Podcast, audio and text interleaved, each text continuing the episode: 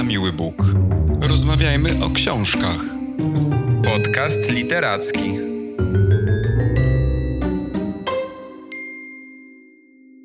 Witamy naszych słuchaczy w kolejnym odcinku na miły Bóg. Dziś Maciek zaprezentuje książkę, którą przeczytał. Ja jestem jej bardzo ciekawy, bo o autorce lub autorze to ciekawe, dowiemy się pewnie dzisiaj więcej, a sporo y, czytałem tych wszystkich rewelacji na temat samej autorki, jak i książek, które pisze, bo one wszystkie są bestsellerami, więc Maćko, oddaję Ci głos, opowiedz nam o tej książce, którą dzisiaj zaprezentujesz. Czytałem Zakłamane życie dorosłych Eleny Ferrante, y, książka z ubiegłego roku, wydana w tym roku w Polsce y, nakładem wydawnictwa Sonia Draga i za tłumaczenie odpowiada Lucyna Rodziewicz-Doktor. To jest książka, która opowiada o dwunastoletniej Giovannie, przynajmniej tyle ma lat, kiedy ją poznajemy. Bohaterka jest córką pary wykładowców. Ojciec jest profesorem, matka wykłada e, łacinę i grekę oraz zajmuje się redakcją e, romansów. Dziewczynka jest uwielbiana przez ojca, ale pewnego dnia podsłuchuje rozmowę między rodzicami i słyszy, jak ojciec mówi, że Giovanna upodabnia się do swojej ciotki Vittorii, Siostra ojca Witoria jest z kolei uważana przez rodzinę za wcielenie zła, e, wszystkiego co najgorsze, a w dodatku jest okropnie brzydka, e, przynajmniej według rodziców Giovanny. E, może zacytuję pierwsze zdanie tej książki, bo ono ustawia właściwie całą tę historię. Dwa lata przed tym, zanim mój ojciec nas zostawił, powiedział matce, że jestem bardzo brzydka. No i to jest taki punkt wyjścia dla całej opowieści. Giovanna postanawia nawiązać kontakt e, z ciotką, której do tej pory właściwie nie znała. No i sama chce sprawdzić właśnie, czy Witoria jest e, tak zła, jak opisują ją rodzice i przede wszystkim, czy jest tak brzydka, bo zastanówmy się też e, nad tym, co musi oznaczać dla dwunastolatki to, że jej ojciec nazywa ją brzydką dziewczynką. Cała ta opowieść toczy się przez kilka lat i obserwujemy, jak Giovanna dorasta, jak w ogóle zmaga się ze słowami swojego ojca, jak one, jak duże piętno odciskają na niej i na całym, nie wiem czy życiu, ale na pewno tym okresie dojrzewania, jak bardzo te słowa utkwiły w jej głowie, są jakimś takim zdecydowanie ciężarem dla niej. Ona się zmaga z e, oceną swojego e, wyglądu przez e, te kilka lat. No i gdzieś w tym wszystkim właśnie obserwujemy, jak dorasta, jak się zmienia, jak przechodzi czasami z jednej strony na drugą i z powrotem, i jak postrzega dorosłych jak odkrywa właśnie kolejne tajemnice swojej rodziny też.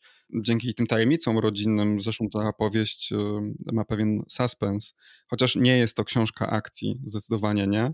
Giovanna zaczyna rozumieć, jaką siłą jest kłamstwo i, i że właściwie wszyscy oszukują. No ale nie chcę mówić więcej, bo nie chcę zdradzać. Okej, okay, a więc pozostawmy na chwilę te zakłamane życie dorosłych, ale opowiedz proszę o Elenie Ferrante, bo to jest postać, której e, my w ogóle nie wiemy o niej nic. To jest zakamuflowana pod wymyślonym imieniem i nazwiskiem autorka lub autor bestsellerów. Czy jest gdzieś wyjaśnione, dlaczego ona nie chce mówić o swojej tożsamości? No właśnie, ja lubię mówić o Elenie Ferrante, że jest osobą piszącą w języku włoskim. No właśnie osobą, bo faktycznie jej tożsamość nie jest znana. E, nie wiemy, czy to jest kobieta, czy mężczyzna. Chociaż ja myślę, że jednak, że kobieta. Więc dla uproszczenia w tej rozmowie mm, traktujmy ją jako kobietę. Mhm. No, autorka stanowi tajemnicę i wiąże się z tym już taka klasyczna mm, e, historia, mianowicie Ferrante nawiązując e, pierwszy kontakt z wydawnictwem, gdy e, starała się o wydanie swojego debiutu. Pisząc list do wydawnictwa, napisała w nim, że będzie ich najtańszą pisarką oczywiście miała na myśli to, że odpadną wszelkie koszty spotkań, e, wieczorków literackich, wszelkich wydarzeń, na których obecność e, autorki byłaby wymagana i oczywiście w związku z tym byłaby zapewne kosztowna.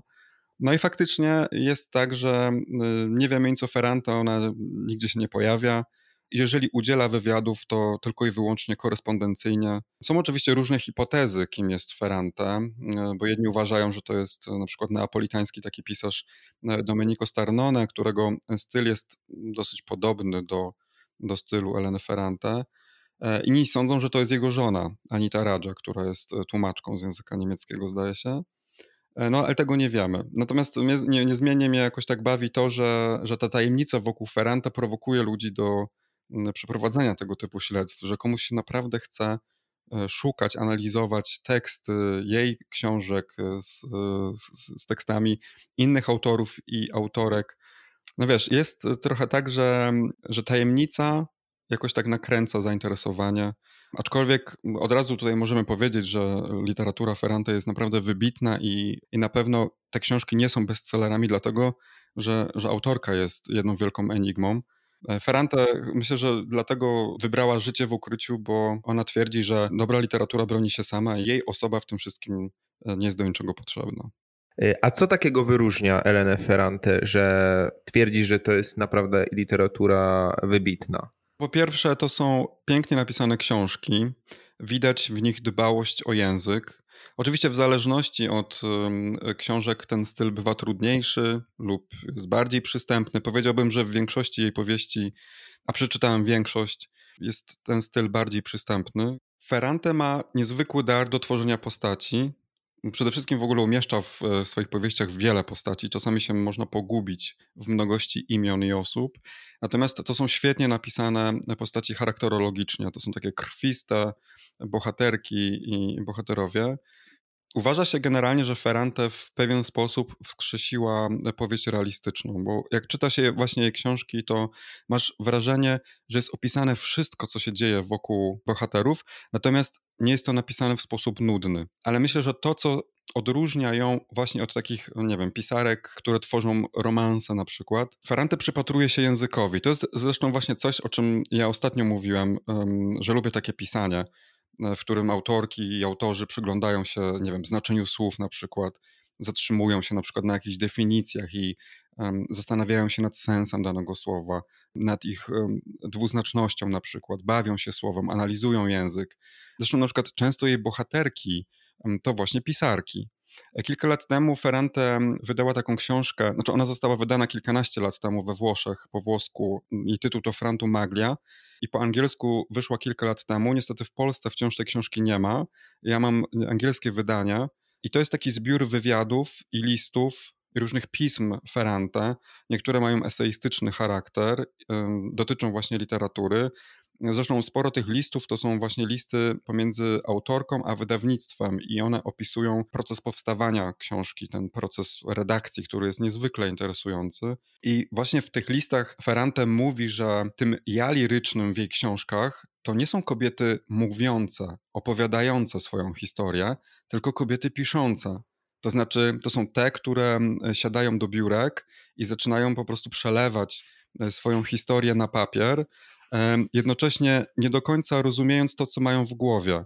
I ona przedstawia pisanie jako to jest takie zmaganie, próba stworzenia klarownej narracji. Samo to słowo w ogóle Maglia też jest bardzo ciekawe. To jest takie włoskie słowo, które Ferrante e, odziedziczyła po swojej matce, znaczy ona jej to słowo przekazała, nauczyła.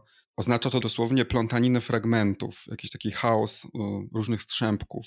I dla Ferrante tymi skrawkami, tymi właśnie fragmentami często są jakieś słowa albo jakieś drobne spostrzeżenia, coś zauważonego, coś y, usłyszanego, coś, co daje początek jakiejś opowieści, tak? I na przykład w Polsce w bardzo podobnym tonie wypowiada się na przykład Joanna Bator. Ona o tych fragmentach, o tych strzępach mówi zahaczki i na przykład e, Ciemno prawie noc, genialna powieść, e, którą uwielbiam. Książka, która otrzymała nagrodę literacką Nikę, właśnie zaczęła się od tych słów Ciemno prawie noc. Bator właśnie opowiada, że to była taka zahaczka do tej powieści.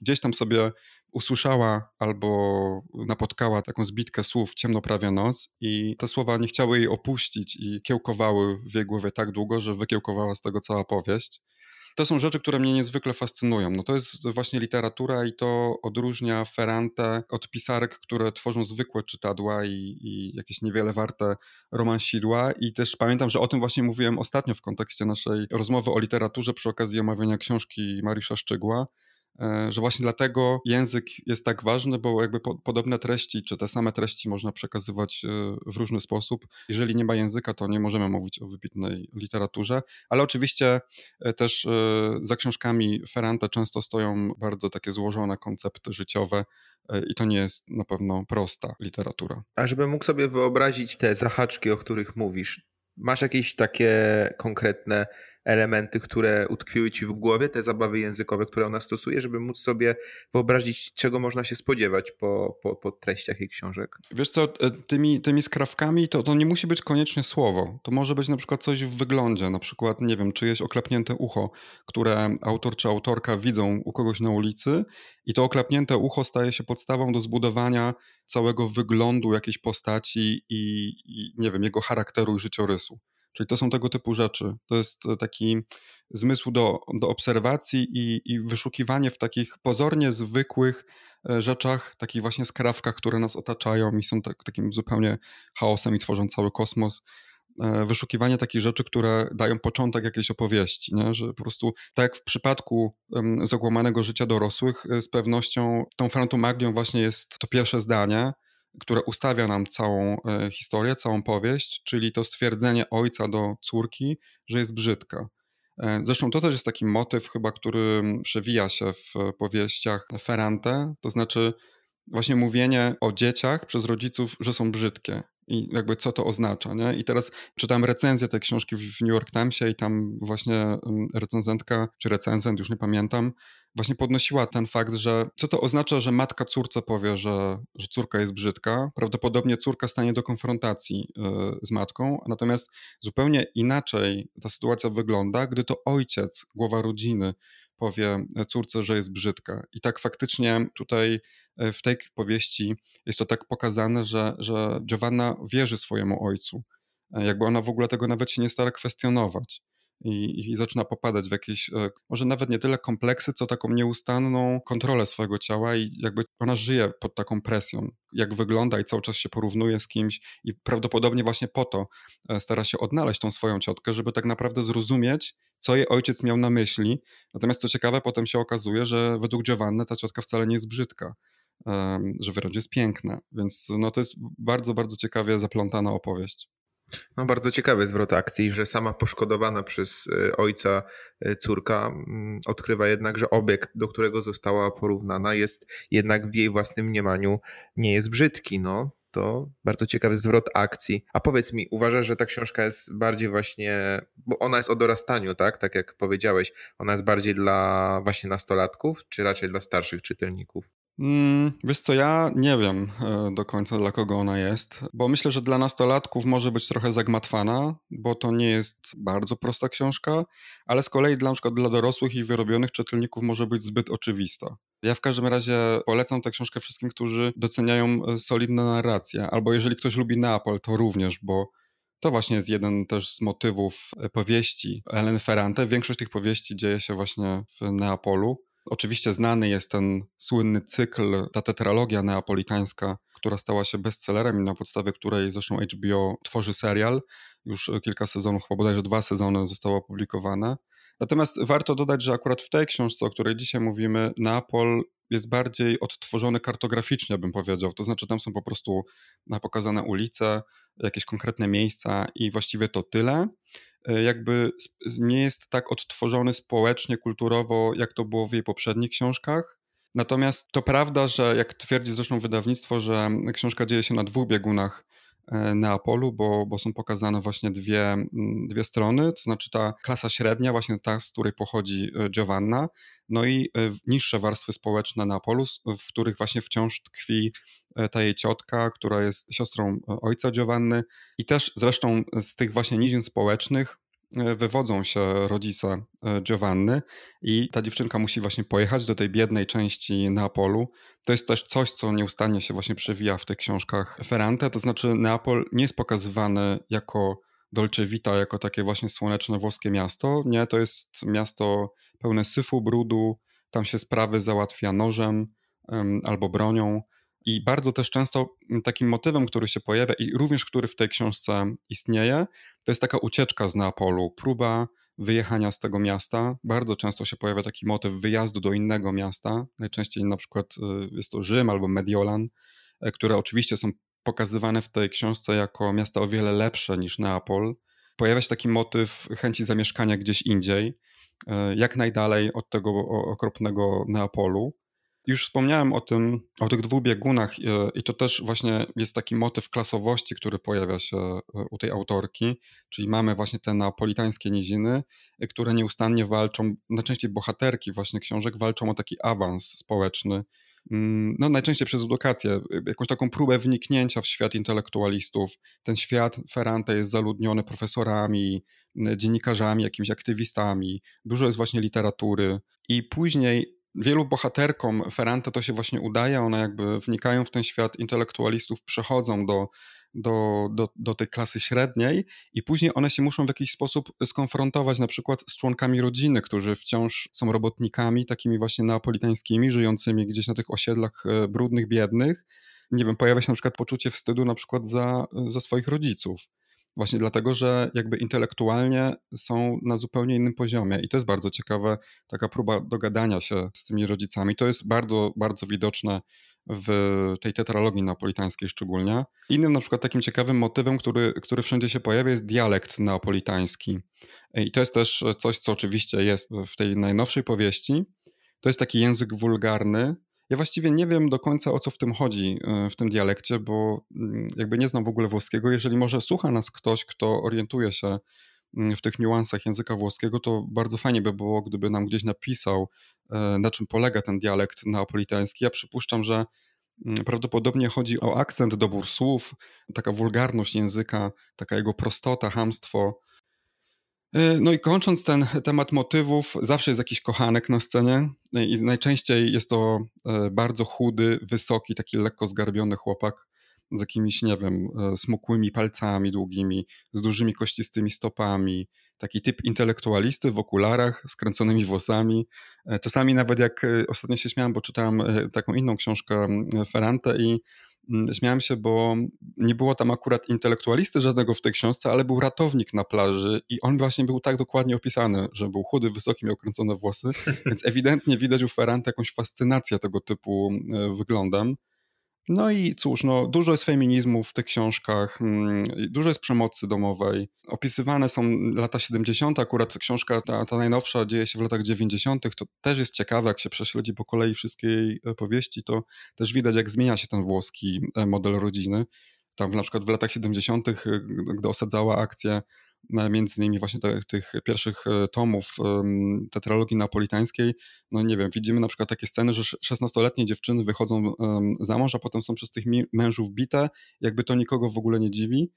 E, bo tak po prostu był urządzony świat, tak były wtedy urządzone Włochy. Dużo jest mizoginii w tych jej powieściach. W tej najnowszej właśnie powieści jest, pojawia się chyba po raz pierwszy w ogóle homoseksualizm, e, ale chyba w gruncie rzeczy najwięcej jest tam po prostu kobiecości i, i jej konfrontacji właśnie z takim męskim światem.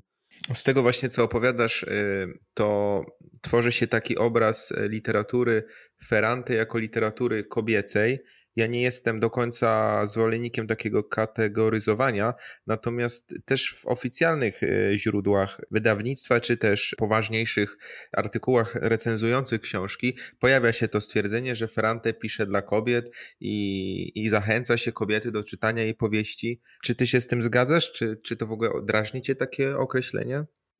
No właśnie, ja na przykład nie wiem, co to znaczy literatura kobieca. Nie do końca wiem, jak mam to rozumieć, bo jeśli uznać, że chodzi o tak właśnie zwane czytadła, romansidła, no to to w ogóle nie jest przypadek Ferrante. Uzasadniłem chyba wystarczająco wcześniej. Jej, jej powieści to jest po prostu mieszanka powieści obyczajowej e, z takim Bildungsroman, bo jeżeli właśnie najczęściej w większości jej książek e, obserwujemy dojrzewanie jakiejś bohaterki, to są bardzo głębokie portrety psychologiczne, których nie spotkasz w tanim czytadle.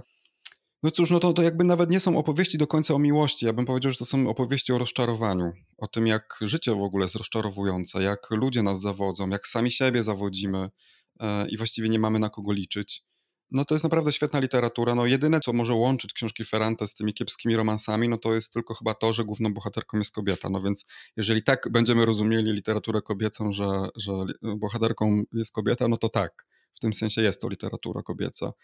Często się mówi, że literatury kobiecej nie czytają mężczyźni i że w ogóle mężczyźni nie czytają Ferrante. No to jest po prostu chyba największa głupota, jaką można powiedzieć, dlatego że właśnie po to jest literatura, no, przynajmniej w moim odczuciu, e, żebym ja sobie mógł sięgnąć e, po, po tę najnowszą powieść i zobaczyć, e, co przeżywa 12, 13, 15 latka, tak, dojrzewając, bo nie byłem nigdy dziewczynką, nie wziąłem żadnej tabletki na zmianę płci i jakby, wiesz, no nie mam zielonego pojęcia tak naprawdę, jak, jak wygląda dojrzewanie nastolatki, a właśnie czytając wybitną literaturę, mogę sobie no przynajmniej próbować wyobrazić i te wszystkie problemy, z którymi młode kobiety czy, czy dziewczyny stające się kobietami, no muszą się zmagać na co dzień.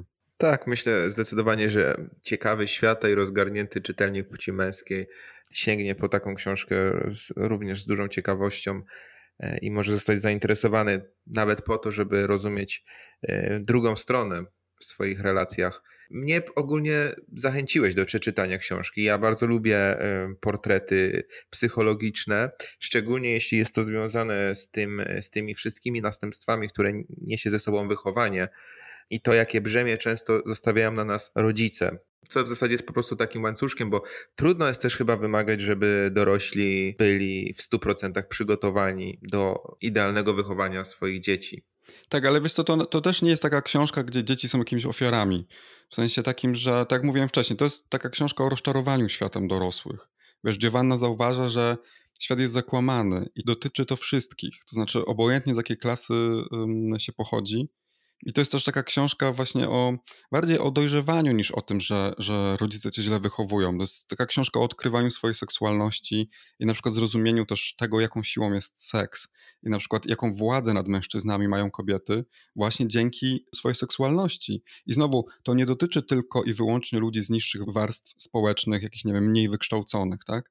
I że w związku z tym, jak prosta jest to konstrukcja w gruncie rzeczy, że jak bardzo pierwotne są e, te zachowania męskie, jak dużą rolę odgrywa tutaj instynkt, to okazuje się, że, że w tym świecie dorosłych po prostu brakuje wierności, tak? Tam się po prostu wszyscy notorycznie zdradzają, e, ludzie się rozstają, odbijają sobie partnerów, e, nie są wobec siebie lojalni.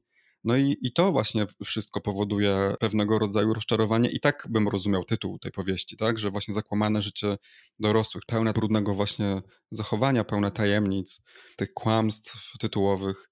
No ale jednocześnie, wiesz, w przypadku na przykład tej książki, co jest bardzo ciekawe, w przypadku akurat tej bohaterki, to wszystko powoduje pewnego rodzaju akceptację, to znaczy ona poznaje ten świat, dziwi się temu, że tak jest, nie do końca rozumie, trochę się buntuje, ale ostatecznie gdzieś tam w trakcie y, sama ulega tym regułom i wraz z dojrzewaniem sama zaczyna po prostu wcielać w życie te wszystkie okropne rzeczy, które poznała dorastając. Na koniec tego bym chciał jeszcze powiedzieć, że bardzo ciekawe jest to w kontekście tytułu o kłamstwie. Ostatnio w ogóle dużo mówimy o fikcji literackiej, o tym, co właściwie oznacza fikcja literacka, i w tym kontekście Ferrante też uważa, że fikcja literacka jest kłamstwem, ale stworzonym po to, by zawsze opowiadać jakąś prawdę. Czyli właśnie w ramach tego fikcyjnego świata pisarka zawsze jest niezwykle szczera i zawsze mówi prawdę. I wiesz, być może też dlatego, teraz trochę zatoczymy koło, być może też dlatego właśnie ona się ukrywa, bo y, są też takie hipotezy, że ona właściwie opisuje swoje życie.